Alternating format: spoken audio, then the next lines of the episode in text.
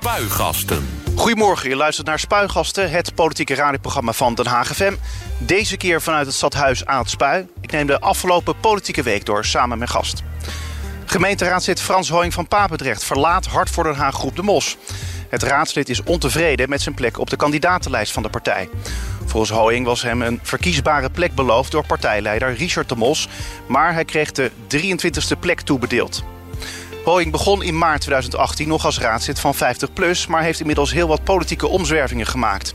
Nadat toenmalig landelijk partijleider Henk Krol de oudere partij verliet... zat Hoing in de raad als groep Hoing van Papendrecht. Even later richtte Krol de Partij voor de Toekomst op en sloot Hoing zich hierbij aan.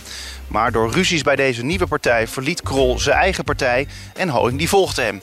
Hij ging weer verder als zelfstandig gemeenteraadslid. Even later, in november 2020, sloot Hoing zich aan bij Hart voor Den Haag Groep de Mos. De partij die groeide daardoor van 8 naar 9 zetels. Hoe kijkt Hoing terug op zijn tijd bij Hart voor Den Haag Groep de Mos? Hij is vandaag de gast in Spuigasten. Goedemorgen, Ivor. Ja, fijn dat je er bent. Uh, ja, als ik dit allemaal zo opnoem, dan zou ik bijna denken... volg je het zelf nog wel?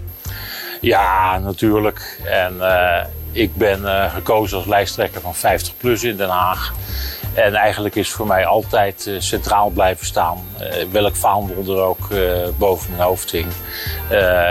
het behartigen van de belangen van de ouderen. Want daar heb je uiteindelijk je mandaat aan ontleend in 2018. En daar moet je dan voor op blijven komen. Dus je ziet je nog steeds eigenlijk als iemand die opkomt voor de ouderen? Ja, en dat had ik ook eh, in de komende eh, raadsperiode. Uh, ik zal maar zeggen, na de verkiezingen van uh, 16 maart aanstaande willen doen. En had ik ook opgegeven aan de partijleiding van Hart voor Den Haag. Dat dat mijn speciale belangstelling had. naast overigens het meewerken aan lokale democratische vernieuwing. Om mensen in de stad meer directe invloed te geven op uh, wat hier uh, in het stadhuis uh, wordt besloten. Als ik dit zo op, heb opgenoemd, dan zouden mensen ook kunnen denken dat is een ja, politieke jobhopper of een politieke opportunist. Hoe zie jij jezelf? Nee, absoluut niet. het is natuurlijk een beetje buiten mij omgegaan dat 50 plus zichzelf min of meer opblies. Stond op tien zetels landelijk uh, in de peilingen. En uh, daar bleven er uiteindelijk nul van over.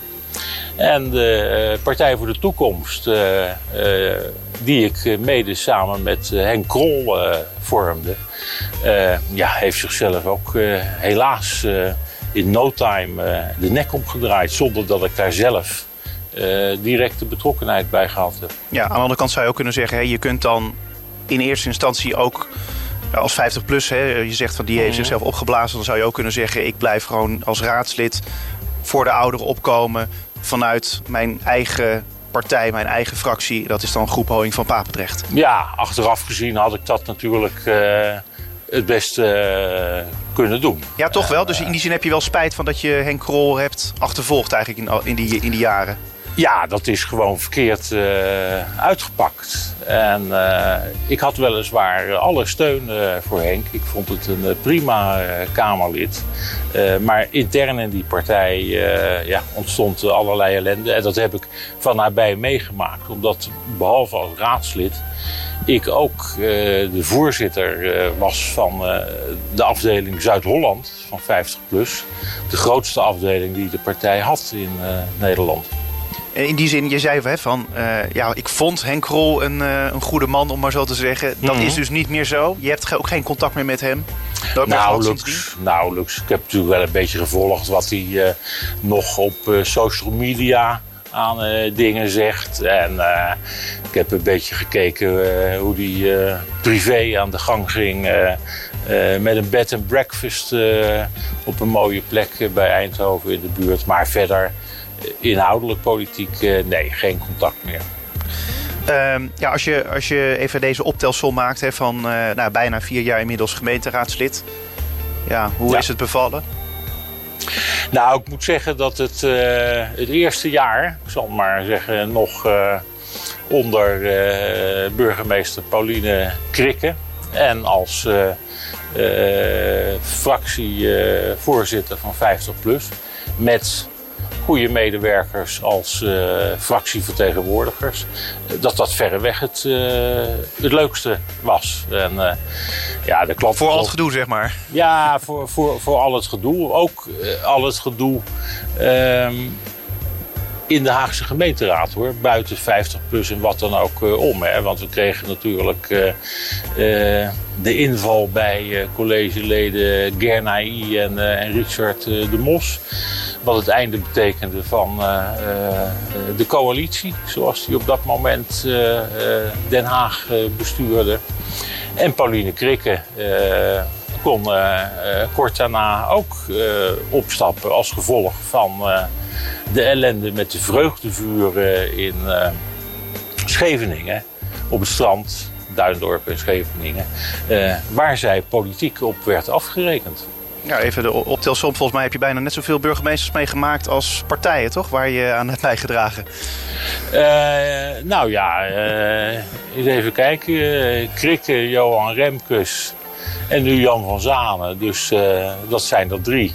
Maar ik heb sowieso veel burgemeesters in Den Haag meegemaakt. Want ik heb 35 jaar hier ook als journalist gewerkt.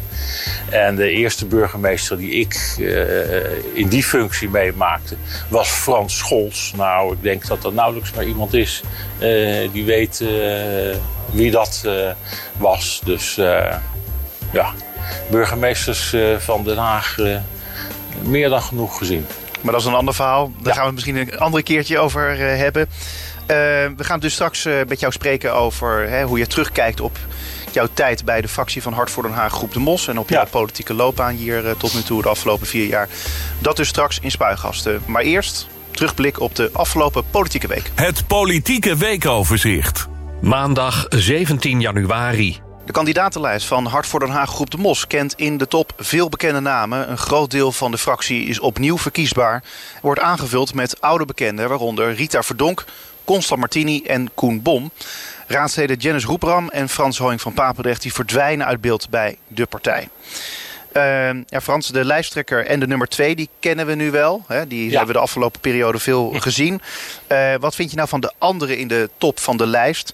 Hè, zoals oud-PVDA-wethouder uh, Constant Martini en bijvoorbeeld de campagneleider Koen Bom. Ja, uh, Constant Martini heb ik ook door mijn werk als journalist veel meegemaakt in de afgelopen 40 jaar, geloof ik al. En uh, Constant is iemand met een uh, hele goede politiek-strategische visie. En ook een maatschappijopvatting waar ik altijd uit zijn politieke houding goed mee heb kunnen leven. En ik denk dat Hart voor Den Haag zo iemand zeer goed zou kunnen gebruiken. Alleen, ik zie het niet gebeuren dat uh, Constant als uh, backbencher in de gemeenteraad op een achteraf bankje zo nu en dan één of twee minuten het woord gaat voeren. En dat hij het simpele handwerk van schriftelijke vragen schrijven en moties in elkaar knutselen dat hij daar veel zin in heeft. En Koen Bom, de campagneleider, die ken ik niet. Die heeft volgens mij ook politiek bestuurlijk nauwelijks ervaring. Maar ik geloof dat hij dat zelf als een voordeel heeft aangemerkt. Wacht even, je zegt, ik, ken, ik ken hem niet, maar hij is toch de campagneleider van Hart voor de Graag Groep, ja, de Mos. Dus, dus op zich moet je, zou je moeten kennen, toch? Laat ik maar zo zeggen. Uh, niet goed genoeg. Een half jaar geleden uh, kende ik hem uh, niet. En Koen heeft ook de afgelopen maanden voor de sponsorwerving, om het campagnegeld voor de partij bij elkaar te krijgen, naar mijn idee het meest van alle gedaan. Naast natuurlijk Richard de Mos zelf. Ja. En Janice Roepram die staat natuurlijk niet op de lijst. Waarom heeft zij volgens jou geen plek gekregen? Ja, ik heb dat verbijsterend gevonden. Ik bedoel, ik was zelf teleurgesteld met mijn 23e plek. En dat was ook naar mijn idee niet conform de verwachtingen die duidelijk gewekt waren tegen me een jaar terug. maar Janice was naar mijn idee een van de beste raadsleden die we hadden in 2018 met, ik meen, 2100 voorkeurstemmen in de raad gekomen. Het gezicht van uh, Hart voor Den Haag in uh, Loosduinen en naar de Hindoestaanse gemeenschap toe. Plus dan bovendien nog eens een uitstekende voorzitter van de raadscommissie Ruimte. Dus wat haar aangedaan is, een uur voordat de lijst naar buiten toe bekend werd gemaakt. En zonder dat ze enige waarschuwing vooraf had gehad, dat vind ik ongelooflijk. Maar de vraag was, hè, weet je waarom zij niet op die lijst is gekomen?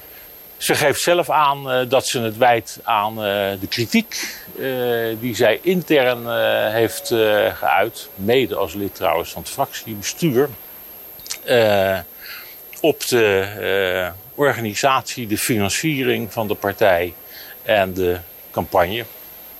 En uh, ja, dat ze daarop afgerekend is, uh, lijkt misschien een beetje op de manier waarop al vele weken terug Hero Brinkman plotseling van het ene op het andere moment als kandidaat terzijde werd geschoven. Dinsdag 18 januari. Oud-gemeenteraadslid Hassan Kutjuk die maakt zijn rentree in de politiek. Hij staat op plek 2 van de kandidatenlijst van de nieuwe partij Haags Belang. Deze partij is opgericht door Abdou Hariouli, die een paar maanden geleden nog lijsttrekker was van Denk, maar werd gerooieerd door het partijbestuur. Hariouli is nu lijsttrekker van Haags Belang. Wat verwacht jij van deze partij? Nou, van uh, Haags Belang daar heb ik nog niet uh, veel tekst uh, gelezen. Ik ken Kutsjoek wel als oud raadslid. En ik denk, we hebben nu op dit moment hebben we drie eenmanspartijen. Van mensen met een migrantenachtergrond in Den Haag. NIDA, de Islamdemocraten. En de door velen vermalen dijde partij voor de eenheid van Arnoud van Doorn. Als je kijkt naar de samenstelling van de Haagse bevolking uh, moet er natuurlijk alle ruimte zijn uh, voor twee uh, flinke partijen met mensen met een migrantenachtergrond. Ik denk dat de, drie die we nu in de raad hebben zitten, er minimaal zes zullen worden, zo niet meer in de Haagse gemeenteraad. En gezien het feit dat ook zo'n beetje de helft van de Haagse bevolking inmiddels een migrantenachtergrond heeft, uh, zou ik het ook heel normaal vinden als er uit die hoek uh, mensen in het nieuwe gemeentebestuur terechtkomen. Ik bedoel in het college van burgemeester en wethouders. Oh, dus, dus jij verwacht wel dat, dat een van deze partijen gaat mee besturen? Of is het meer je hoop die je uitspreekt? Ik zou het terecht vinden als het gebeurt. En hopen is misschien een, een groot woord, maar nou laat ik het anders zeggen ik zou het heel raar vinden als het niet gebeurt. Ja. En uh, voel je jezelf nog in die zin aangetrokken? Want ik bedoel, ja, je bent nu, nu natuurlijk ook een beetje. Uh, ja, je bent partijloos nu. Dus misschien dat jij je nog aangetrokken voelt tot een van deze partijen om je aan te sluiten, bijvoorbeeld bij Haags Belang? Nee, ik ben in Den Haag, uh, denk ik, bijna twintig jaar lid geweest. en trouwens ook lokaal bestuurslid van D66. En ik heb ook in mijn persbericht een week terug gezegd, misschien moet ik maar gewoon terug naar mijn politieke oorsprong. Uh, ik kwam bij D66 destijds in de tijd van, uh, van Jan Terlouw. Die leeft nog steeds en die zegt en schrijft ook vandaag de dag nog zinnige dingen. En misschien de twee hoofdredenen waarom ik destijds D66 heb verlaten. Namelijk dat ik vond dat er te weinig belang en invulling werd gegeven aan wat ouderen nodig hebben in Den Haag en in Nederland. En dat ik het erg jammer vond dat de kroonjuwelen over democratische vernieuwing uh, terzijde werden geschoven. Misschien dat ik een bijdrage kan leveren om uh, die onderwerpen weer op een nieuwe en betere manier uh, op tafel te krijgen. Woensdag 19 januari. Wanneer er nu verkiezingen zouden zijn, dan wordt Hart voor Den Haag Groep de Mos opnieuw de grootste partij van de stad. Zij krijgt 20% van de stemmen. D66 volgt op een tweede plek met 14% van de stemmen. Daarna volgt de VVD op nipte afstand met 13%. Blijkt uit een peiling van Maurice de Hond uitgevoerd in opdracht van D66. Den Haag staat voor een duidelijke keuze, reageert D60-lijsttrekker Robert van Asten. Ja, wat uh, vind jij van deze peiling? Uh, geeft het een goed beeld, denk je? Nee, dat denk ik niet. Ik denk dat Hart voor Den Haag nog met de campagne natuurlijk moet beginnen. En ik vermoed veel meer campagnemiddelen en mogelijkheden heeft dan andere partijen in de stad. Dus dat getal van 9, dat zal wel aan de lage kant zijn. 9 zetels? Ja, 9 zetels.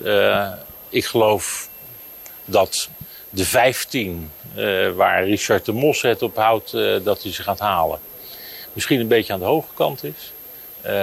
Maar 12 zou me niet verbazen. In elk geval groeien. En dat is toch op zich wel ja. opvallend. Want ondanks de corruptiezaak zou je kunnen zeggen... ondanks dan ook nog het gedoe rondom uh, ja. de bekendmaking van de kandidatenlijst. Nou, daar speelt natuurlijk eigenlijk niet de zin nog meer natuurlijk, hè, vanwege ja. de financiering van de partij, waardoor Hero Brinkman ook uh, nou ja, opzij is geschoven eigenlijk. hoe leg je dat dan uit?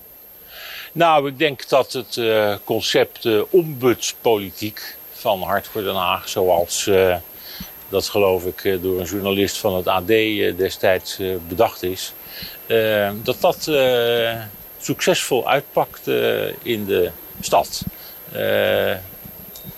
Inwoners helpen met de concrete problemen die ze in hun woonomgeving hebben. En niet links of rechts of weet ik veel wat, maar Recht door zee? hele oh. praktische, dienstverlenende, hulpbehoevende mensen helpen. En, en ik denk ook dat er best een hoop mensen zijn die het een raar en zelfs schandalig verhaal vinden dat Richard en Rachid Gernaï als wethouders van hun bed gelicht zijn. En dat het nu, nou hoeveel tijd is het later? ik zal maar zeggen 2,5 jaar later, nog steeds door het OM niet afgerond is. Dat hangt als een een zwarte regen boven de Haagse gemeentepolitiek. En dat kan bij de coalitievorming straks ook een groot probleem op gaan leveren. Ik denk dat er een hele goede kans is dat we in Den Haag afstevenen op een Rotterdamse variant. En dat wil zeggen in Rotterdam is Leefbaar Rotterdam met 11 zetels de grootste partij van de raad. maar wordt het college gevormd door zes andere partijen en tien wethouders. En het zou wel eens zo kunnen zijn dat we dat in Den Haag ook tegemoet gaan. Donderdag 20 januari. Het onafhankelijke raadslid Frans Hoing van Papendrecht heeft donderdagavond tijdens de gemeenteraad, gemeenteraadsvergadering hard uitgehaald naar een collega-raadslid. Noemde PVV-fractievoorzitter Sebastian Kruis een sneuwe flikker. Collega's die zijn verbijsterd over deze bejegening. Ehm, je hebt inmiddels al je excuses aangeboden hiervoor. Ja, natuurlijk. Uh, probeer nog eens helder uit te leggen, waarom zei je dit nou? We hebben tijdens die raadsvergaderingen altijd ook een WhatsApp-groep uh, lopen. En binnen die WhatsApp-groep uh, meldde de griffier dat Janice Roopram, die nu de groep Roopram uitmaakt, niet mee zou doen aan de stemming.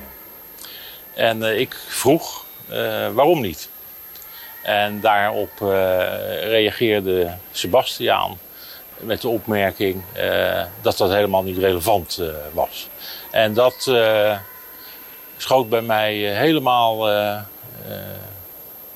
nou, in het verkeerde keelgat, zeg maar. In het verkeerde keelgat. ja, omdat ik het wel heel erg en vervelend vond dat uh, Janice ook overdag tijdens de raadsvergadering het helaas niet op kon brengen. Ik denk door emoties en wat er allemaal uh, haar is overkomen uh, afgelopen maandag. En dat ze zelfs ook s'avonds niet aan de stemmingen kon meedoen. Wat toch een van de essentiële onderdelen van je raadslidmaatschap is. En ze heeft bij mijn weten nooit in alle vier jaar dat ze hier nou zit zoiets moeten laten schieten. Dus, nee, dat eh, is helder. Maar dan is dat nog steeds toch geen reden om iemand uit te schelden? Nee.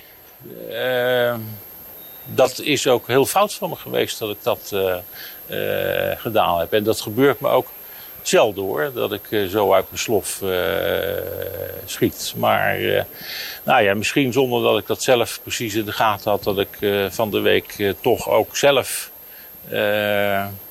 wel moeite heb gehad met het verwerken van het feit dat ik me voorgenomen komende vier jaar als raadslid op mijn buik uh, kon schrijven. Maar hoe dan ook, niks is een excuus. Het was gewoon een foute opmerking van me en dat zal me niet meer gebeuren. Toch heeft ook de burgemeester gevraagd hè, van, nou ja, volgens mij moet je je excuses aanbieden, maar dat deed je in eerste instantie ook niet. Waarom deed je dat toen niet? En uiteindelijk, ja, toen er gevraagd werd nou. eigenlijk om excuses aan te bieden, toen was het een beetje een halfslachtig excuus. Zo zag ik het. Ja, ja.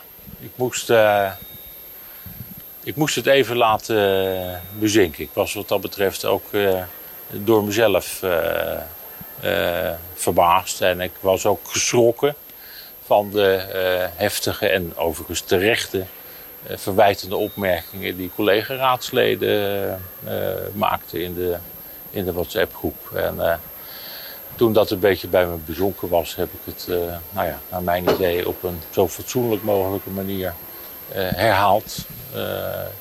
mijn excuus. Ja, en er waren ook collega-raadsleden die insinueerden dat je beschonken was. Dus ik moet het ook even oh, aan je vragen. Was je beschonken? Zo klonk het wel nou, ook een beetje. Heb, jij is dat zo? Ik nee, heb, dat was een beetje een dubbele tong die ik hoorde. Oh, ik heb bij thuiskomst wel uh, twee glazen wijn genomen en uh, het eten klaargemaakt. Maar ik heb niet veel gegeten, uh, omdat ik nog een heleboel moties aan het doornemen was. nou, ik zal het zelf ook eens terug horen. kan zijn dat ik het beter gewoon bij 0% bier of mijn geliefde tomatensap had kunnen houden. Ja, er bestaat ook trouwens 0% wijn tegenwoordig. Dus dat zou je oh. ook kunnen proberen. Oké. Vrijdag 21 januari. De wethouders en burgemeester Jan van Zanen die moeten het aantal korte ritjes met de dienstauto aan banden leggen. Een motie van de Haagse Stadspartij die hierover werd donderdagavond door een raadsmeerderheid aangenomen, meldt mediapartner Omroep West. Volgens de partij blijkt uit de rittenstaten, zoals het dan heet, waarin het gebruik van de dienstauto's eh, per wethouder wordt bijgehouden, dat de bestuurders veel korte ritjes maken. En daar moet paal en perk aan worden gesteld. Wat vind jij daarvan? Terecht?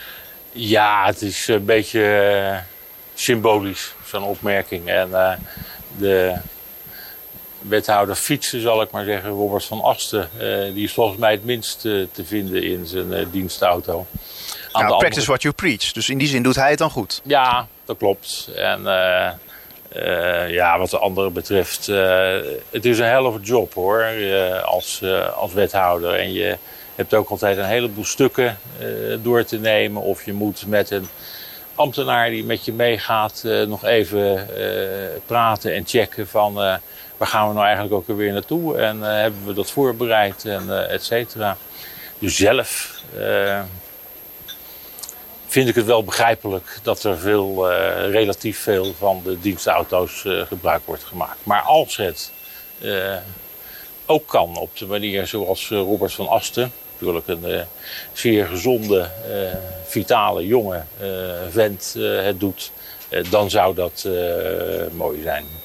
Tot zover het weekoverzicht en meer nieuws vind je op onze website denhagfm.nl. Spuigasten. Frans Hoink van Papendrecht die verlaat Hart voor Den Haag groep de Mos. Het raadslid is ontevreden met zijn plek op de kandidatenlijst van de partij. Volgens Hoink was hem een verkiesbare plek beloofd door partijleider Richard de Mos. Maar hij kreeg de 23e plek toebedeeld. Hoe kijkt Hoink terug op zijn tijd bij Hart voor Den Haag groep de Mos? Hij is de gast in Spuigasten. In november 2020 stapte je de fractie binnen. Wat trof je toen aan?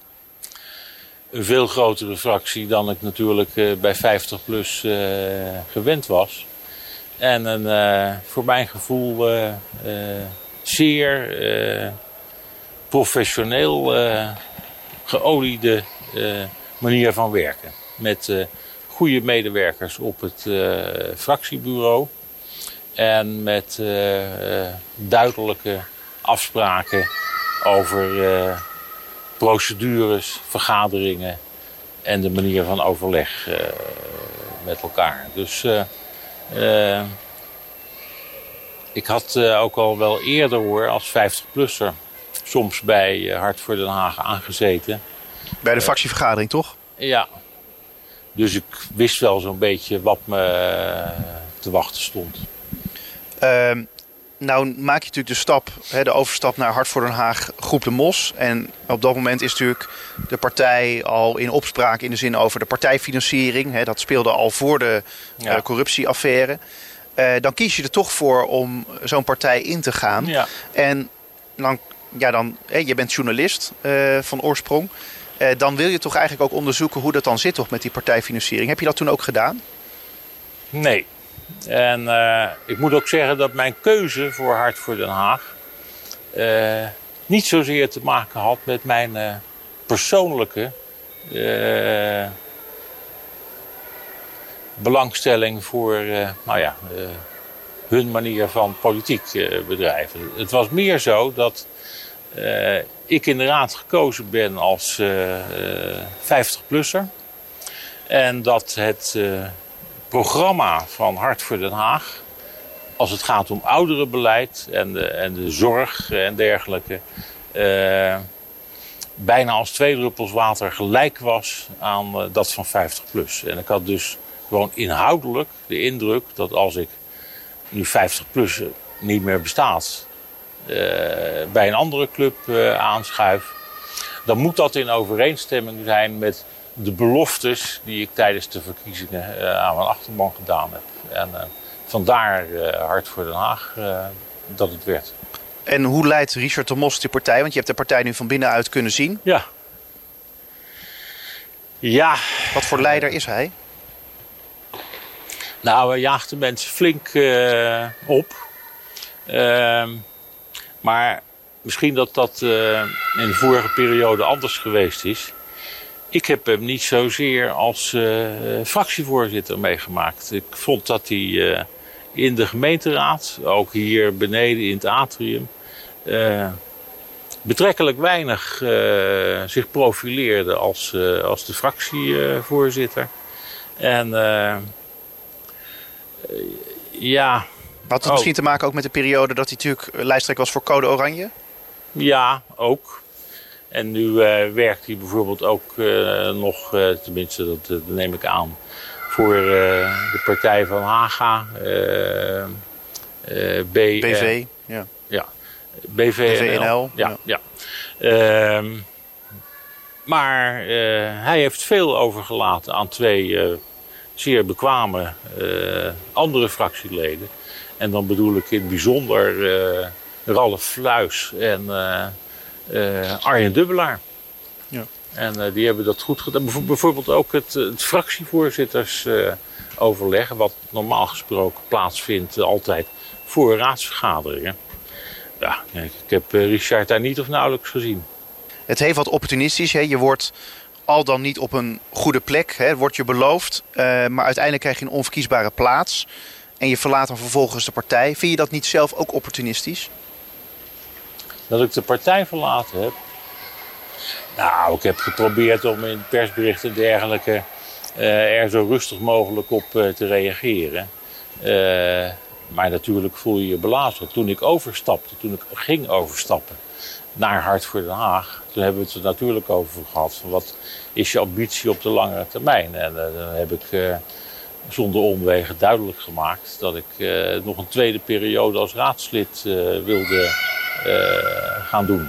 Ja. En dan ga je daar afspraken over niet op papier eh, zetten, maar er is me wel gewoon ook duidelijk genoeg gezegd van nou dat zal wel geen probleem zijn hoor. En uh, dan heb je het vertrouwen over en weer in elkaar van nou dat gaat wel goed komen. En uh, ja, dat komt dan uiteindelijk toch niet uh, terecht. En ik had echt niet verwacht dat ik bij de eerste tien op de lijst terecht zou komen. maar wel bij de eerste 15. En 23, ja, daar heb ik ook wel een grap over gemaakt. Ik heb als journalist voor de fractie 22 profielen geëindredigeerd van alle kandidaten. En de grap die ik erover maakte was van dat heb ik misschien te goed gedaan. Uh, weten dat ik zelf op, op 23 uh, terecht kwam. Maar er zijn een hoop dingen inhoudelijk waar ik uit solidariteit natuurlijk het afgelopen jaar gewoon meegestemd heb. Nee, dat snap ik. Maar als het even gaat om, om jouw plek dan kan ik me ook voorstellen hè, dat jij uh, zegt van ja, het is, niet een, het is niet een heel harde toezegging die ik nu hoor. Dat, dat jij die hebt gehad van Richard de Mos. Van hé, hey, je krijgt, uh, ik noem maar even wat, je krijgt plek 13. Ja, maar in de politiek... Dus hoe kun je dat dan, hoe kun je dat dan vo de, voelen als, een, als, een, als een belofte die Richard de Mos jou heeft gedaan? Ik heb van hem het vertrouwen gekregen. En van, de, en van anderen in de partij.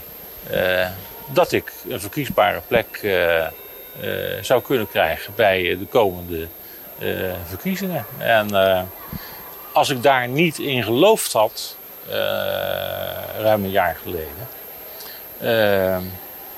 dan was ik waarschijnlijk helemaal niet overgestapt naar Hart voor Den Haag. Dat mogen duidelijk zijn. Uiteindelijk moet wel iedereen natuurlijk vechten hè, voor zijn of haar plekje op de lijst. Ja. en dat is toch voor jou dan eigenlijk ook niet anders. Ik denk dan bijna van... Ja, ja, dat is voor mij wel wat anders geweest. Want op het moment dat ik in de fractie van uh, Hart voor Den Haag terecht kwam... waren onder de zittende raadsleden... Uh, alle interessante portefeuilles al vergeven. En ja, dan ga je toch jezelf als een soort algemene reserve... bijvoorbeeld op het eh, vlak van ruimtelijk eh, beleid eh, bewegen. En een enkel ding, zoals welzijn, problemen met het buurtcentrum De Mussen. Nou ja, dat doe je dan wel intensief. Maar je hebt, als iemand die er op een laat moment bij komt, is het zeer moeilijk om jezelf uh, te profileren in je... Nee, dat snap ik. Maar goed, eh, het kan ook zo zijn. Hè? Ik bedoel, ja, er zijn uh, zoveel mensen die zich natuurlijk aanmelden om bij, op zo'n lijst te komen te staan. Dan vinden mensen, uh, ja, dat is gewoon hè, ten opzichte van andere mensen, vinden mensen jou minder goed. Dus die selectiecommissie vindt jou minder goed dan die andere kandidaten. Zo kun je het toch ook bekijken? Ja, zo zou je het kunnen bekijken. Waren het niet dat in bijna alle democratische partijen er een voordracht wordt gedaan voor een kieslijst. En dat uh, leden van de partij daarover het woord mogen voeren en, en mogen stemmen. En in die zin is Hart voor Den Haag helemaal niet democratisch georganiseerd. Het is puur Richard de Mos en de voorzitter, zijn oom, Bram Rijtsma, die bepalen uh, wat de volgorde van de lijst is. Neem iemand als collega Janet Rupram. Uh, het lijkt me als een paal boven water staan. Dat als uh, de leden zich hadden mogen uitspreken over haar kandidatuur dat ze bij de eerste tien terechtgekomen zou zijn. Ja, maar goed, je kiest er zelf voor. En ook Janice Roepram kiest er zelf voor om bij deze partij te zitten. En je weet dan dus hoe het gaat. Hoe, hoe, de, hoe die lijsten tot stand komen. Je, je, komt er in praktijk achter hoe het gaat. Ja, maar je, je, gaat toch niet mij vertellen nu dat je dat allemaal niet wist? Hoe dat, hoe dat, dan bij, hoe dat intern geregeld was? Nee, dat wist ik niet. Nee. En daar heb ik ook niet eens naar gevraagd. Maar... Ik dacht van ja, dat komt wel goed. Oké, ja, dat is blijkbaar dus te makkelijk gedacht. Ja, dat was uh, natuurlijk. Maar waarbij ik overigens niet wil zeggen dat je in de politiek uh, zekerheden verkrijgt door uh, over dit soort dingen zaken op papier te zetten hoor. Want zo werkt het niet. Het, het, het moet gewoon het onderlinge vertrouwen zijn over en weer dat er wel of dat er niet is. Hoe zie je nu de toekomst van Hart voor Den Haag Groep de Mos? Nou, daar heb ik geloof ik eh, zo even al iets uh, over gezegd. Als het zo is dat er partijen zijn die nodig zijn voor de vorming van een college. zoals bijvoorbeeld D66, de VVD, ehm, die het niet zien zitten om met ze in zee te gaan op het moment dat die zaak met het Openbaar Ministerie nog niet is opgelost. En dus Hart voor Den Haag uh, buiten het college zou blijven, dan hebben ze een heel groot probleem.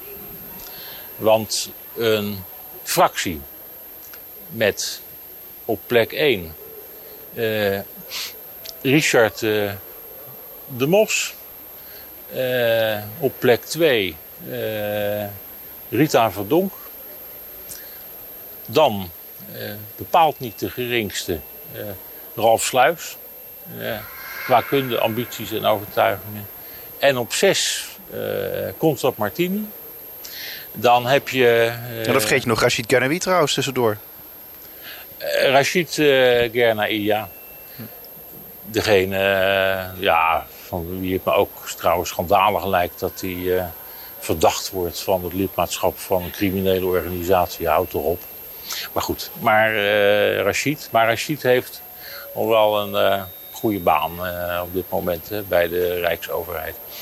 Maar nee, ik had het dus over Richard, De Mos, ja, ja. Verdonk, Ralf Sluis en op zes Constant Martini. Dan heb je bijna drie kapiteins op één schip. En dan ook nog een uitstekende stuurman, zo noem ik dan maar uh, Ralf. Met kapiteinskunde uh, en uh, ambities, denk ik. dat gaat niet goed. Dan implodeert de fractie, denk ik. En dat gun ik ze alles behalve hoor. Maar als ze in het college komen, dan denk je, dan gaat dit wel goed? Dat ze wel wethouders nou, mogen leveren? dan is dat probleem en een stuk uh, geringer, ja. ja. Maar hoe dan ook, je, je voorziet... Het raar is dat Richard de Mos, uh, als hij het heeft over potentiële wethouders uh, van Hart voor Den Haag, dan noemt hij Rita Verdonk, Rachid Gernai en Constant Martini. Waarom die zichzelf niet noemt, onbegrijpelijk. Ja, vanwege de zaak, lijkt mij toch?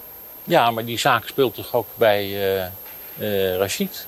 Ja. En, uh, en speelt trouwens niet alleen bij Richard en Rashid, maar ook bij Nino Davituliani, die op 12 terechtgekomen is in de, op de lijst. Natuurlijk veel te laag ook voor een, voor een vrouw, want het is een rare zaak dat op 24 kandidaten bovenaan de lijst, de bovenste helft, er maar vier uh, vrouwen uh, te vinden zijn. En bijvoorbeeld iemand als Monique van Stuivenberg, fractievertegenwoordiger. werkelijk uitstekende kracht vind ik. Die staat op, op 20. Terwijl als je invulling zou willen geven aan het idee van Constant Martini. Dat binnen Hart voor Den Haag een linker versus een uh, rechtse vleugel uh, een hele normale basis zou zijn als je een grote volkspartij uh, wilt wezen.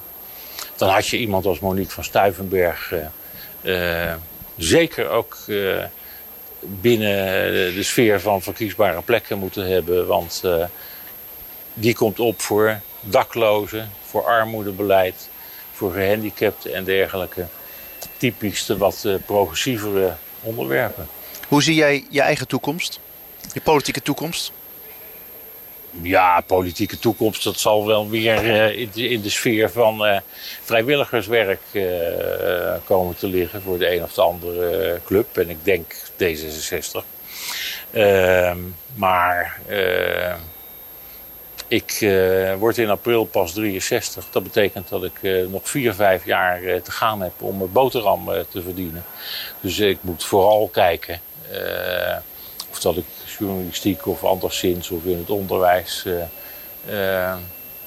weer een betaalde functie kan vinden. En dat is als je mijn leeftijd hebt niet per se de gemakkelijkste operatie ter wereld. Van Zooy van Papendrecht, dankjewel. Dankjewel, Ivar. En dan is het nu tijd voor de column van Marcel Verrek. Stadgenoten.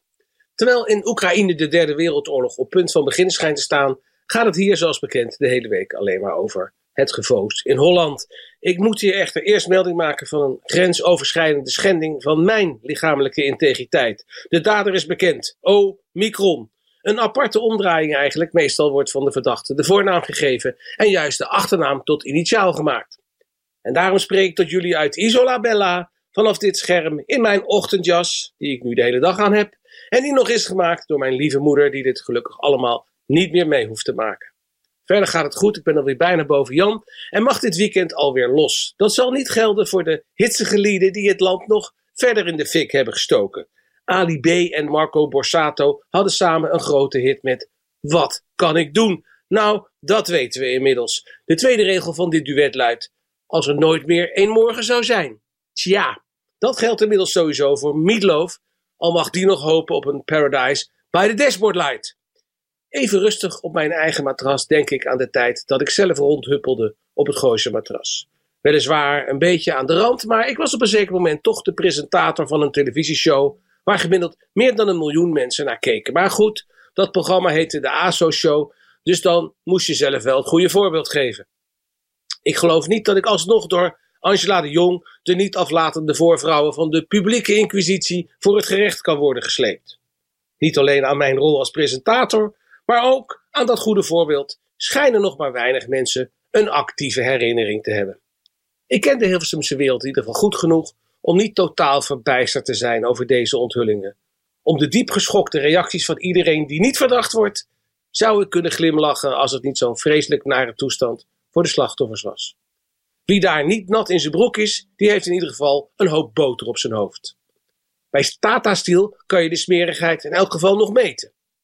Toevalligerwijze keek ik onlangs, waarschijnlijk toch al enigszins duf van de aankomende corona, voor het eerst sinds lange tijd naar die Voice of Holland. Niet mijn soort programma met die uitgerekte hysterie, die deerniswekkende familieleden, die afgenepen stukjes muziek en het onbeschofte gegeven dat je moet zingen, terwijl de jury met zijn reet naar je toe zit. Waren sommige juryleden zomaar blijven zitten. Het gejuich bij het omdraaien van bepaalde stoelen is nu wel verstomd. Wat mij trof was het overdreven respectloze hoofdgeschut en geginnegap tussen de juryleden, terwijl een uitstekende zangeres die haar sporen ruimschoots had verdiend, de zongen uit haar lijf zong, de longen uit haar lijf zong. Maar goed, het leed is geschied en iedereen is nu geschokt, verdrietig en vooral boos. Tweede Kamer van Daal Wilders zal bij de eerste de beste gelegenheid de afkomst van Ali B aangrijpen voor weer een racistische tirade ook zal Marco Borsato als halve Italiaan in zijn vuurlinie liggen, inmiddels een telg uit de knoflooklanden. Zal de raszuivere Jeroen Rietbergen, die foto's van zijn eigen mietloof rondstuurde, ook getroffen worden door het gescheld van Circus Wilders? Of is zijn naam te Nederlands? En geldt dat zijn besodemieterde partner Linda onder meer bekend is van Ik hou van Holland? Dat zal wat die Jeroen betreft trouwens niet langer wederzijds zijn. En wat Linda betreft ook niet die is inmiddels wel uitgegiegeld. Genoeg hierover. Rustend op mijn matras lees ik deze week Roxanne van Yprens meesterlijke vertelling Het Hoge Nest. Een geschiedenisles over aanloop en verloop van de Tweede Wereldoorlog, die we ons alle ter harte moeten nemen. Hoe snel het kan gaan, hoe snel de ontmenselijking kan toeslaan. Het begint met woorden, vieze opmerkingen, scheldpartijen, beledigingen. In de Haagse gemeenteraad viel de term sneuwe flikker. Ik zou zeggen, omdraaien die zetel en voorlopig een hele tijd in isolatie. Hou je Haags, geniet van het goede. En tot snel. Dankjewel Marcel en dit was Spuigasten voor deze week. Bedankt voor het luisteren. Tot volgende week.